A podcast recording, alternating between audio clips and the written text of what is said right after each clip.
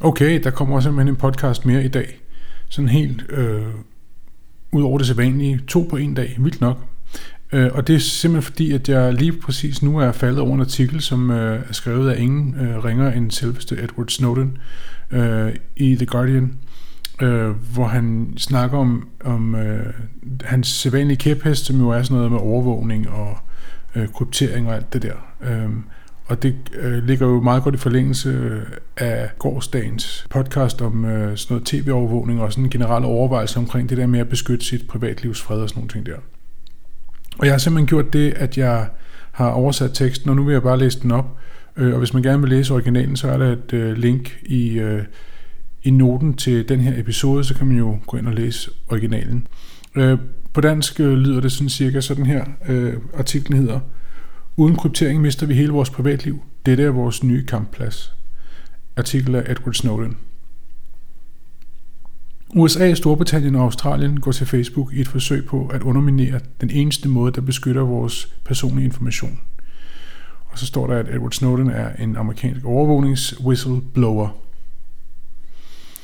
I alle lande i verden holder computersikkerhed lysene tændt, hylderne fyldte, dæmningerne lukkede og transportsektoren kørende – i over et halvt årti er sårbarheder på vores computer og vores computernetværk blevet regnet for den største risiko hos US Intelligence Community Worldwide Threat Assessment.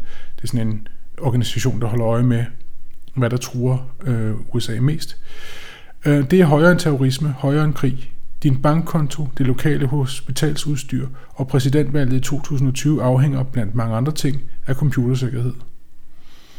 Og så alligevel, midt i den største computersikkerhedskrise i historien, forsøger den amerikanske regering sammen med Storbritannien og Australien at underminere den eneste metode, der pt. eksisterer for at beskytte verdens information. Kryptering. Hvis de får held i deres bestræbelse på at underminere kryptering, så vil vores offentlige infrastruktur og private liv være gjort permanent usikre. Sådan helt enkelt formuleret er kryptering en metode til beskyttelse af information og den primære måde at holde digital kommunikation sikker.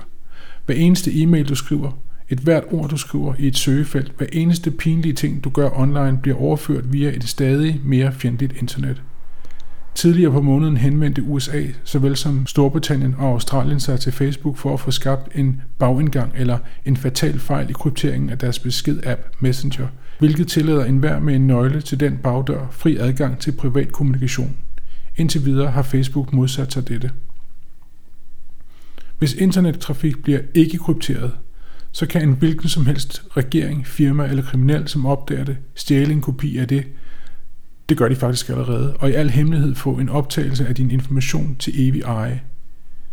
Er denne trafik derimod krypteret, så kan din information ikke læses, kun de med en særlig dekrypteringsnøgle kan låse den op. Jeg ved en lille smule om dette, for i en periode var jeg ansat som operatør hos US National Security Agency, det er det, der hedder NSA, altså deres verdensomspændende system for overvågning. I juni 2013 arbejdede jeg sammen med en journalist om at afsløre dette system til resten af verdens store forarvelse. Uden krypteringen kunne jeg ikke have skrevet historien om, hvordan det alt sammen foregik, nemlig min bog Permanent Record. Og jeg vil ikke kunne have fået manuskriptet sikkert over grænser, som det ikke engang er mig selv tilladt at krydse. Og endnu vigtigere, kryptering hjælper alt fra journalister, afhopper, aktivister, NGO'er og whistleblowers til læger, advokater og politikere til at udføre deres arbejde, ikke bare i verdens mest farlige og undertrykkende stater, men i hvert eneste land verden over. Da jeg trådte frem i 2013, overvågede USA's regering ikke bare passivt internettrafik i takt med, at det krydsede netværket, men havde også fundet metoder til at få større amerikanske techfirmaer til at samarbejde med sig, eller de infiltrerede til tider deres internetnetværk. Dengang var kun en lille del af nettets trafik krypteret. Seks år senere har Facebook, Google og Apple gjort krypteringen til en standardindstilling på de væsentligste dele af deres produkter, med det resultat, at næsten 80% af trafikken på nettet er krypteret.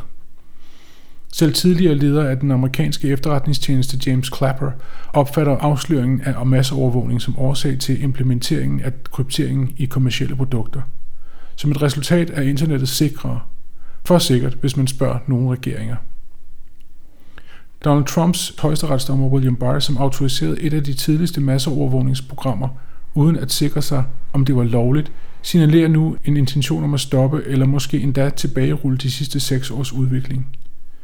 WhatsApp, en beskedtjeneste ejet af Facebook, bruger allerede end-to-end kryptering, altså E2EE, det vil sige, det bliver krypteret inden data forlader øh, sender, og det dekrypteres først, når det når til modtager.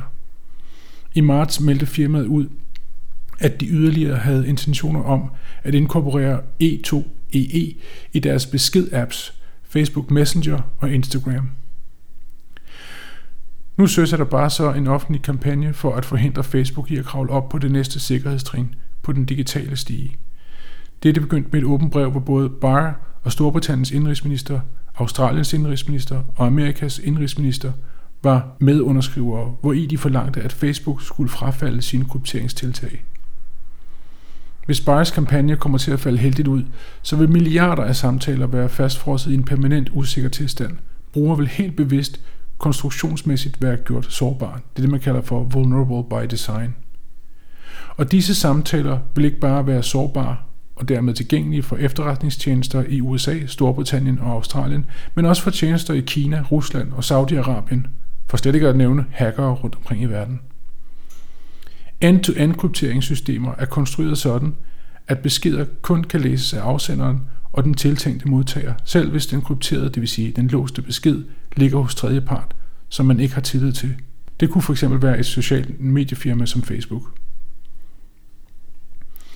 Den helt centrale forbedring af E2EE i forhold til andre og ældre sikkerhedssystemer er, at det sikrer, at nøglerne, der kan låse en hvilken som helst af samtalens beskeder op, altid kun opbevares på endestationsapparatet, f.eks.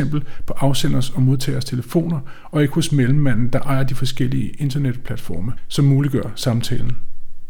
Og fordi nøglerne ikke bliver opbevaret hos disse mellemliggende tjenesteudbydere, kan de nu ikke længere stjæles, hvis et kæmpe læk, som er så almindeligt nu om stunder, skulle forekomme. Og det giver en afgørende sikkerhedsfordel. Kort sagt, E2EE gør firmaer som Facebook, Google og Apple i stand til at beskytte deres brugere fra deres snagen, og ved at sikre, at de ikke længere sidder på nøgler til vores mest private samtaler, bliver disse selskaber ikke så meget det alt skuende øje, men snarere den intet anende kurér. Det er slående, at når et så potentielt farligt firma som Facebook synes, i det mindste offentligt, at være villig til at implementere teknologi, som gør brugerne sikrere ved at begrænse sin egen magt, at det så er den amerikanske regering, der trækker i bremsen. Det er fordi regeringen så pludselig vil være mindre i stand til at behandle Facebook som en praktisk forråd af private liv. For at retfærdiggøre sin modstand mod kryptering, har USA's regering som sædvanligt fremmanet en hel række af nettets mørkeste kræfter – Uden ubegrænset adgang til enhver persons fulde aktivitetshistorie på Facebook, hævder regeringen at være ude af stand til at efterforske terrorister, narkohandleres pengevask og forbrydere, der begår overgreb mod børn. Men onde gerningsmænd foretrækker faktisk ikke at planlægge deres kriminelle handlinger på offentlige platforme, og der især ikke, hvis de hører til i USA, hvor man råder over nogle af de mest sofistikerede automatiske filtre og rapporteringsmetoder, der overhovedet findes. Den egentlige grund til, at USA, Storbritanniens og Australiens regeringer gerne vil af med end-to-end kryptering, har mindre med offentlig sikkerhed at gøre, end det har med magt. E2EE giver kontrol til enkeltpersoner og de apparater, de bruger til at sende, modtage og kryptere kommunikation med, ikke til firmaerne og teleudbyderne, der sørger for at overføre dem. Det ville så kræve, at regeringens overvågning skulle være mere målrettet og metodisk snarere end konstant og generelt. Det, som bliver truet af denne ændring, er ganske enkelt landets mulighed for at udspionere befolkningen i kæmpe målstok. I det mindste på en sådan måde, at det ikke bare lige kan lade sig gøre ved hjælp af lidt papirarbejde. Ved at begrænse mængden af personlige data og virkelig privat kommunikation opbevaret af firmaer, må regeringerne vende tilbage til klassiske efterforskningsmetoder, som er både effektive og en respekt for rettigheder, i stedet for total overvågning. I dette tilfælde bliver vi ikke bare sikret, men også fri.